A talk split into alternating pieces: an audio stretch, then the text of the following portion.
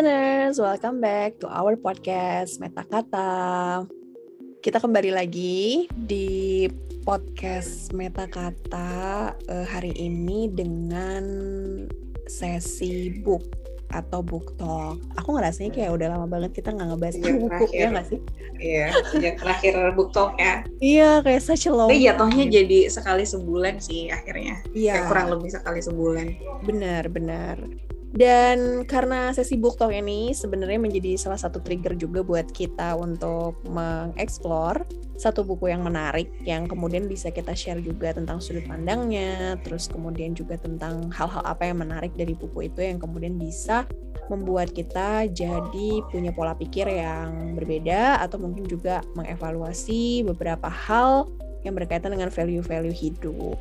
Buku Eat, Pray, Love ini adalah buku yang kemudian ditulis oleh Elizabeth Gilbert. Nah kan, Ya. kamu tuh kan anak sastra kan, Beb ya? Dan kamu kayaknya udah Ya. nggak asing juga gitu dengan novel-novel seperti ini gitu. Apakah ini adalah salah satu yang Ini kayak kamu- lebih ke apa ya? Ini kayak apa ya? Maksudnya bukan novel juga sih, Beb. Iya bener, aku tuh mau tanya itu. Ini tuh apa ada loh, Uh-uh. ada kayak genrenya gitu di dalam sebuah buku fiksi. Eh ini bukan fiksi berarti ya? Ini non Iya, fiksi. ini jatuhnya. bukan fiksi. Ini kayak Karena lebih ini ke nyata.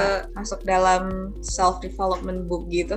Iya, self development book. Tapi ada, dulu tuh aku pernah baca genre dalam buku yang dia tuh kayak menceritakan mengenai Dia tuh masuk perjalanan ini, hidup penulisnya. Gitu gak sih? Iya, au- autobiography atau kayak memoir gitu. Oke, iya. itu. Barangkali lah, barangkali.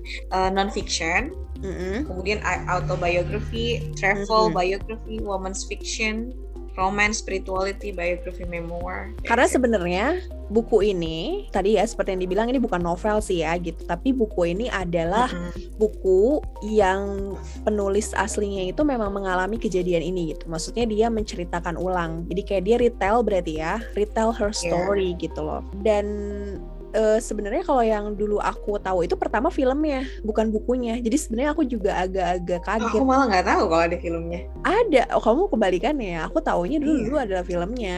Jadi filmnya itu diperankan oleh Julia Robert. Aku dulu tahu tuh tahun berapa ya? 2000 Oh. Du- 2000 berapa ya? 2015, 2014-an lah gitu. Si film ini kemudian eh, yang aku tahu ya, tapi aku nggak tahu literally berapa tahun berapa tuh si filmnya kemudian dirilis. Cuman aku taunya kalau aku tuh pertamanya adalah taunya si filmnya dulu dibandingin sama bukunya gitu. Mm-mm.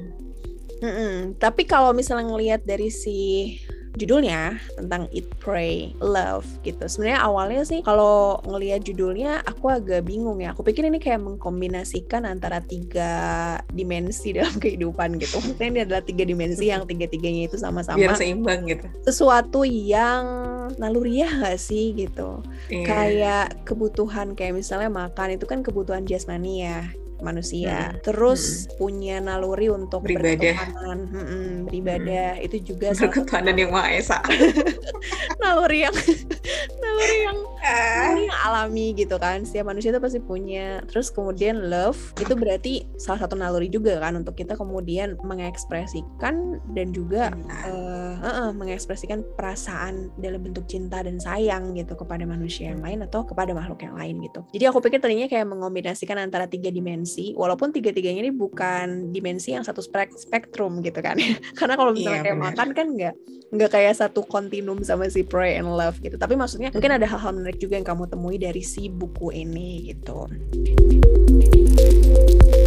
Iya bener banget listener. Jadi eh, kita akan ngobrol-ngobrol terkait dengan Eat, Pray, Love-nya eh, Elizabeth Gilbert. Barangkali mungkin kita nggak akan banyak mengeksplorasi apa yang menjadi konten dari Konten. buku ini barangkali Yap. ya karena mungkin listener semua bisa mengeksplorasi kontennya melalui bukunya langsung barangkali itu jauh lebih afdol Nah, apa yang akan kita sharing pada hari ini adalah impresi gitu kita terhadap buku ini, termaksud juga apa hal-hal yang barangkali bisa kita pelajari dan harapannya dengan berbagi kepada kalian semua, kalian bisa mengambil insight juga dari sana gitu. Mungkin kita kasih tahu sedikit ya Beb terkait dengan informasi soal Eat, Pray and Love-nya Elizabeth Gilbert ini. Jadi judulnya seperti yang kita sebutin dari tadi, kemudian dia ditulis oleh Elizabeth Gilbert dan pertama kali dipublikasikan itu pada tahun 2006 di oh. da, di dengan tiga dengan jumlah halaman 352 halaman.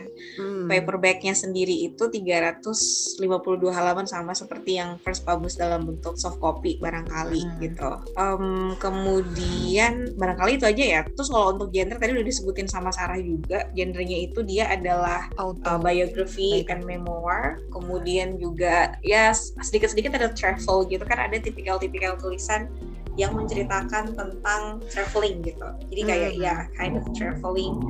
Kemudian juga ada sisi-sisi religious spiritual themes-nya di dalam situ. Makanya kalau dibilang tadi ini ada eat, pray, and love seolah-olah kayak membahas tiga pilar keseimbangan hidup gitu. Jadi kalau hidup kan seimbang, jangan lupa makan, jangan lupa berdoa, jangan lupa mencintai gitu. Yeah. Oh, how beautiful itu. that is. Yeah, yeah, yeah. Nah, nah jadi buku terkait dengan Eat, Pray, Love-nya Elizabeth Gilbert ini sebenarnya menceritakan tentang seseorang yang melakukan perjalanan dalam rangka untuk menemukan kembali dirinya sendiri. Jadi kan di dalam uh, buku tersebut dia diceritakan berumur 35 ya Beb ya, lupa deh. Aku nggak tahu umurnya berapa. tiga empat tiga empat nah jadi dia tuh kan udah nikah terus dia juga udah, yeah. udah beli rumah sama suaminya gitu Benar. I mean for other people it seems like she's having a very gorgeous and perfect life gitu kayak mm -hmm. dia udah punya suami terus habis itu mereka kayak lagi merencanakan pengen punya anak gitu nah cuman si Gilbert ini tuh mendapati dirinya justru merasa aku tuh nggak pengen punya anak gitu especially now mm. gitu kan sebelumnya kan memang mereka planning punya anak tuh kayak di hold dulu gitu kan nanti setelah yeah. kemudian si Gilbert ini tuh ready gitu tetapi ternyata bahkan setelah waktu berlalu dia masih belum merasa siap untuk akhirnya kemudian punya anak gitu mm. dan dia ingin apa ya dia tidak ingin mengecewakan suaminya dan seterusnya lagi akhirnya dia pernah melakukan perjalanan gitu mm-hmm. aku merasa salah satu hal yang signifikan dari buku ini itu adalah terkait dengan proses untuk menemukan diri sendiri sometimes we consider other people itu kemudian sudah selesai gitu iya yeah. sometimes kita tuh ngerasa orang tuh oh dia tuh berarti udah settle gitu udah udah menemukan jati dirinya gitu udah yeah. uh, selesai dengan berbagai macam apa ya kontemplasi-kontemplasi krisis-krisis dan seterusnya. I mean kita punya quarter life crisis, kita punya uh, sudah selesai dengan berbagai macam jenis krisis dalam hidupnya. Padahal sebenarnya setiap orang itu unik perjalanannya, setiap orang itu punya prosesnya sendiri-sendiri. Nah, untuk menemukan diri kan tadi gitu. Nah, jadi menurut aku penting banget untuk kemudian memahami terkait dengan arti hidup ya barangkali karena ada orang yang bahkan seperti Gilbert ini dia tuh sampai melakukan perjalanan ke Italia, India dan juga Indonesia gitu. Sekedar untuk figure out sebenarnya apa sih yang dia inginkan. Jadi dia melakukan berbagai macam eksplorasi, bertemu yeah. dengan orang baru, kemudian experience pengalaman-pengalaman baru gitu. Yeah. Untuk kemudian barangkali saat, sampai sampai pada satu titik gitu uh, di mana dia jadi menemukan kembali dirinya sendiri seperti itu. Mm -hmm. Aku pribadi akhirnya melihat uh, barangkali satu kesyukuran juga kali ya. I mean uh, being born as a Muslim membuat aku jadi paling tidak mengetahui satu esensi yang kemudian penting untuk aku senantiasa ingat gitu dalam hidup hmm. gitu terkait dengan ya taat kepada Tuhan dalam hal ini gitu. Sehingga sejauh apa pun kayak lagu sejauh apa pun. Lagu kita kayak masih tahu gitu loh jalan balik tuh ke mana gitu. Nah barangkali juga buat, yeah. teman-teman yang kemudian being faithful sama keimanannya gitu juga merasakan hal ini gitu. I mean maybe hmm. inilah kenapa ada komponen pray. It's not only about love and eat but also you need to pray because basically as a human being kita punya kebutuhan itu gitu kan. Dan hmm. itulah sebenarnya salah satu esensi yang barangkali sebenarnya mendasar banget gitu dalam dirinya kita kayak gitu gitu yes. nah dan itu yang pertama gitu jadi kayak proses untuk menemukan diri sendiri itu adalah satu proses yang insya Allah indah gitu kalau kita kemudian bisa untuk melihat hikmah di balik itu semua dan yang kedua setiap orang tuh punya timing yang berbeda gitu loh Beb I mean hmm. mungkin kita menemukan ada orang yang merasa tuh apa dia menemukan dirinya sudah settle di, di separuh usia awalnya di, di separuh awal usianya gitu ada juga yang hmm. mungkin justru ngerasa struggling dia untuk sebenarnya berkontemplasi terkait dengan apa yang dia mau apa sebenarnya hal yang paling penting menurut menurut dia dan seterusnya itu justru baru dia kemudian rasa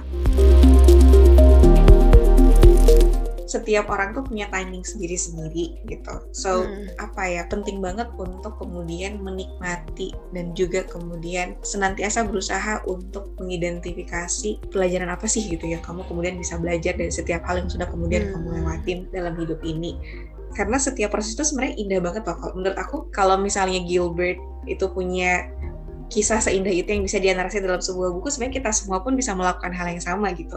Cuman yeah. barangkali tidak semua orang pandai untuk menerasikan kehidupan kehidupannya atau meromantisasi kehidupannya gitu. But we did actually apa ya we do actually have the same thing. Kayak gitu. Kita sebenarnya juga punya yang sama gitu kan. Hmm. hanya saja kita mungkin tidak mengartikulasikannya dalam bentuk sebuah buku kayak gitu. Hmm. so I think it's really beautiful untuk melihat apa yang kemudian dialami oleh Gilbert ini.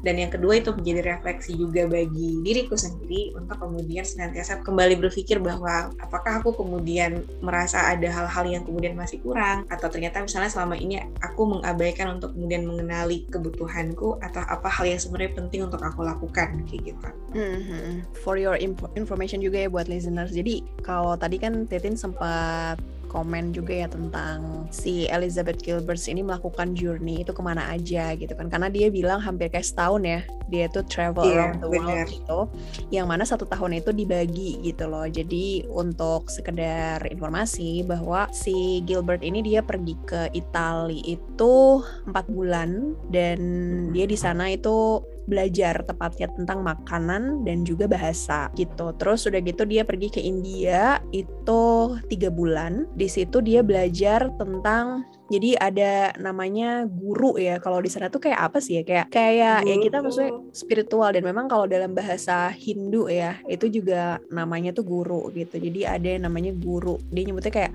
gurus asram gitu. Ashram, hmm, A S iya, H R R A M itu selama tiga bulan dia belajar di India. Terus udah gitu dia ke Indonesia especially to Bali itu selama satu bulan untuk relaksasi gitu. Untuk melakukan uh, relaxing lah gitu. Karena tadi kan seperti yang sempat disebutkan juga kalau dia ini desperate juga ya sebenarnya. Jadi kayak ketika dia divorce dari suaminya itu kan dia merasa akhirnya mempertanyakan lagi gitu tentang kehidupan sebenarnya. Hidup ini tuh untuk apa sih gitu kan. Yeah, terus uh, dia mulai kayak ngevaluasi lagi tentang hal-hal uh, yang ada di dunia ini gitu. Jadi pertanyaan-pertanyaan baru itu justru muncul ketika dia mendapatkan suatu hal yang dia sebut sebagai titik terendah mungkin ya. And I think everyone has a lowest point yeah. di dalam kehidupan mereka kan gitu. Jadi kita punya different aspect yang nggak bisa kemudian kita express dan kita juga nggak bisa membuat mengeneralisasi lah ya maksudnya semua keadaan orang itu sama dengan apa yang kemudian kita alami gitu. Nah kalau aku mencoba untuk mengorelasikan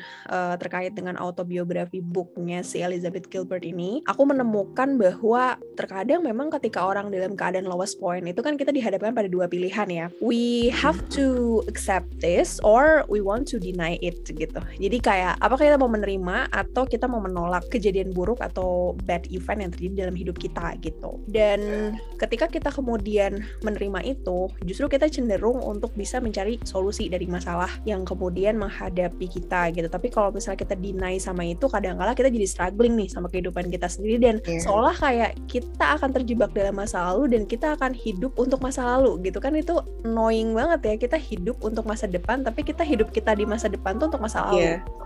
Mm-hmm. Karena masa lalu tuh udah ya udah, berarti itu harus selesai gitu. Dan mau nggak mau kita harus menyelesaikan apa pun yang terjadi di masa lalu supaya kita bisa step back, eh, step step forward gitu ke depan. Supaya mm-hmm. kita nggak mencoba untuk nengok. Kalaupun kita nengok ya udah sesekali aja untuk evaluasi. Tapi nggak dijadiin sebagai patokan gitu kan. Dan aku banyak sih melihat ada beberapa orang yang kemudian mereka memilih untuk accept gitu ya. Maksudnya kejadian yang buruk dalam hidup mereka terus kemudian mereka menemukan solusi-solusi dari masalah mereka itu. Dan entah kenapa itu justru menjadi kayak pintu pembuka bagi mereka tuh untuk semakin dekat sama Tuhan. Jadi hmm, aku tuh uh, aku banyak menemukan orang yang even itu diriku sendiri ya. Maksudnya aku juga dulu kan pernah ada dalam masa yang lowest point lah gitu. Terus udah gitu waktu itu sih ya pada akhirnya sandaran aku cuman cuman Allah gitu. Karena aku merasa nggak ada uh, orang yang benar-benar akan mengerti kita 100% gitu kan. Even we have a closer friend gitu kan. Maksudnya kita punya number gitu kan ya of our closer friend. Tapi kan itu tidak bisa menjamin bahwa mereka akan selalu ada buat kita gitu. Dan pada akhirnya aku menyadari bahwa ya zat yang bisa 24 jam melindungi kita, terus yang dia bisa ngejaga kita, dia bisa memahami kita ya cuman Tuhan gitu, cuman Allah gitu pada saat itu yang menurut aku paling ngerti dan juga uh, tahu kondisi aku ketika dalam keadaan yang lagi rendah gitu dan begitu pun hmm. orang-orang yang aku temui juga mereka tuh pada akhirnya ya, jadi menemukan dan become the best version of their lives itu ketika mereka hmm. itu membuka pintu itu gitu loh. Jadi ketika hmm. mereka dalam keadaan yang lagi rendah-rendahnya terus mereka gantungin itu sama Tuhan mungkin itu juga adalah salah satu teguran gitu ya karena mungkin bisa jadi juga mereka merasa bahwa mereka tidak sedekat itu uh, dulu gitu ya sehingga mm-hmm. buat mereka jadinya menggantungkan dan sama Tuhan gitu ya, sama Allah dan menjadi diri mereka yang lebih baik jadi dari situ aku semakin menyadari bahwa terkadang hal yang buruk dalam hidup kita tuh tidak tidak terjadi begitu saja gitu kalau dalam salah satu seminar yang si pembicaranya bilang gitu ya uh, tentang perkataan perkataan salah satu quotes dari Steve Jobs gitu dia bilang looking back connecting the dot katanya gitu jadi sesuatu okay, cool. di masa lalu itu nggak akan bukan berarti nggak ada kaitannya dengan apa yang akan terjadi pada kita di masa depan gitu. Karena itu tuh mhm. sesuatu yang sangat berkaitan dan akan membuat kita tuh menghubungkan satu sama lain ada semacam connecting line gitu yang bisa kita tarik. Dan justru dari situ kita bisa menemukan sebenarnya apa sih makna hidup ini kayak gitu loh. Terus mhm, mhm, sebenarnya kita tuh mau apa sih? Terus kenapa sih kok aku diciptain sama Tuhan aku gitu? Terus aku harus apa sih? Nah pertanyaan-pertanyaan itu yang pada akhirnya akan membuat kita tuh jadi tahu gitu sama seperti si Gilbert ini akhirnya tahu tentang makna hidupnya dia. Terus dia kemudian di situ bisa mengevaluasi dia bisa menerima keadaannya dia ketika dia divorce gitu kan. Dan dia pada akhirnya bisa menemukan cinta lagi dia kemudian bisa membuka hati lagi dia kemudian bisa kayak orang lagi gitu ketika dia dalam kondisi yang rendah manusia itu memang akan selalu ada konflik ya apa pun itu yang akan terjadi di depan di masa depan kita tapi yang terpenting dalam hidup itu sebenarnya ya bukan seberapa banyak hal-hal buruk dalam hidup kita, tapi seberapa kuat kita bertahan dan sudah sematang apakah senjata-senjata yang kemudian kita kumpulkan untuk bisa menghadapi berbagai kejadian-kejadian hidup di depan. Itu sih kalau menurut aku. Ya aku sepakat kalau titik terendah sering kali mengembalikan manusia kepada hal yang paling mendasar. mm -mm.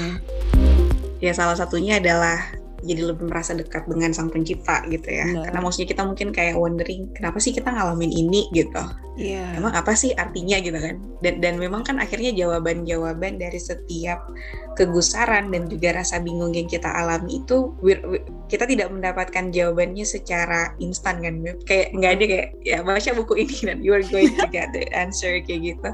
Yeah, itu justru melalui setiap proses yang kita lewatin gitu. Artinya mm. setiap orang sampai pada titik terendah kan itu biasanya mereka akan mempertanyakan kan. I mean they, they're going to wonder and asking about the meaning of all of this gitu yang terjadi hmm. dalam hidupnya mereka kayak gitu. Nah, cuma dan satu hal yang aku pengen tambahin juga adalah hmm, di titik apa pun listener semua sekarang ini berada dan definitely aku juga sama Sarah akhirnya kita semua juga ada kita juga on progress gitu dalam yes. menjalani hidup kita. Nggak usah terburu-buru gitu. I mean, yeah. you don't have to hurry kayak gitu karena Gilbert aja yang di umur 34 tahun tadi itu justru baru mendapatkan dirinya itu berada pada titik terendah di saat dia udah punya kerjaan gajinya juga tuh besar suaminya baik mereka lagi pengen, punya anak mereka udah beli rumah punya tabungan. I mean buat ukuran-ukuran duniawi itu tuh kayak gak ada yang kurang gitu kan. Yes. kayak ya udah sih dia tuh udah settle gitu. Yes. Eh tapi ternyata dia belum sampai di titik di mana dia tuh bener-bener mengetahui apa sih sebenarnya aku tuh pengen gitu. So you don't have to hurry, nggak usah buru-buru gitu. Nggak apa-apa, kamu jalanin aja gitu uh, apa yeah. yang sedang saat ini kamu kemudian hadapi gitu dan coba hmm. untuk menikmati semua prosesnya gitu. Karena itulah yang nanti kelak akan menjadi titik-titik yang perlu kamu hubungkan seperti kata Sarah tadi kayak gitu. Kalau Steve Jobs. aku kayak requotes doang iya itu ada kata Steve Jobs requotes by Sarah gitu yeah. nah terus abis itu aku juga pernah dengar ini beb kayak ada orang bilang kalau um, jadi gini kayak ada ada ada video aku tonton dibilang kalau dari di, dia tuh udah umur kayak 40-an tahun lah gitu. Terus habis hmm. itu kalau misalnya kamu punya nasihat untuk orang yang in in their 20 gitu atau in their 30, kamu bakal bilang apa gitu. Terus dia bilang hmm. Kalau misalnya aku mau menasihati orang yang di umur yang lebih muda dari aku atau misalnya aku ingin menasihati diriku di umur ketika aku masih muda dulu gitu, aku kan bilang nggak usah buru-buru gitu. Hmm. You're going to eventually figure it out. Just you know uh, santai gitu kan. Yeah. Mm -hmm just enjoy the moment. Dan pada dasarnya sebenarnya setiap pilihan yang orang buat dalam hidup gitu ya maksudnya nggak setiap sih I mean most of the time kita sebenarnya bisa melihat sebenarnya orang tuh nggak ada juga tuh yang benar-benar tahu apa yang dilakukan Beb. Maksudnya Bener. kayak wah aku tuh tahu aku tuh nanti kalau daftar ke sini yeah. nanti bisa berujung ke sini aku bakal kerja di situ.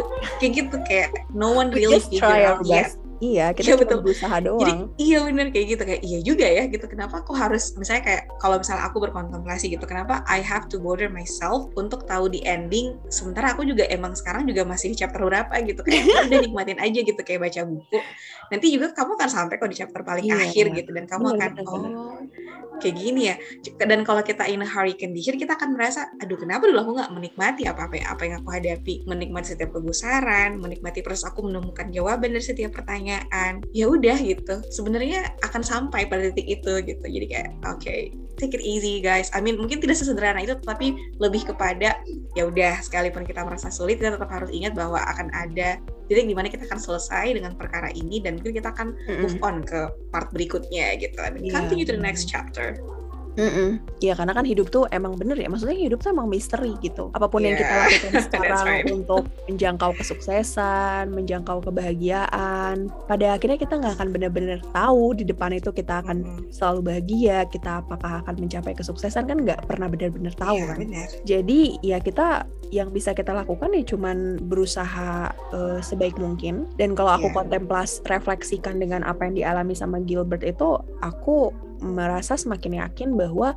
ketika manusia dalam lowest point, ya dia akan mencari sesuatu yang lebih daripada kekuatan yang dia miliki. Maksudnya kan kalau dalam lowest point kan kita berarti dalam posisi inferior kan.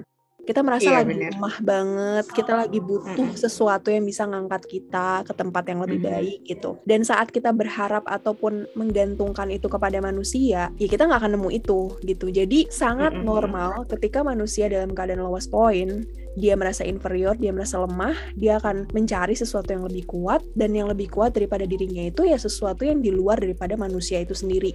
Kekuatan manusia itu sendiri dan itu pasti zat yang maha agung kan gitu.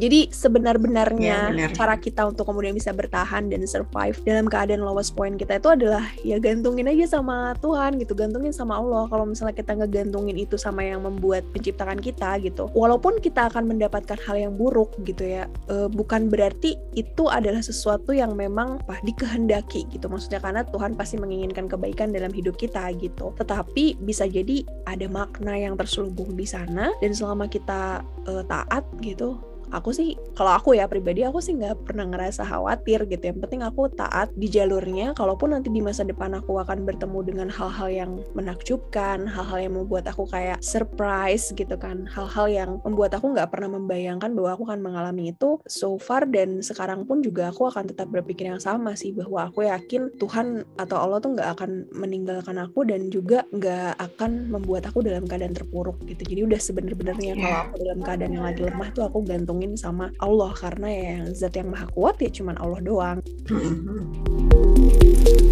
It is yeah. highly recommended book gitu ya buat kita untuk kemudian merefleksikan dan mengkontemplasikan mengenai hidup kita dari kejadian-kejadian ataupun journey dari si Elizabeth Gilbert as a writer of this book gitu. Kita akan kembali lagi di kata-kata yang berikutnya. Bye bye listener. Bye listener.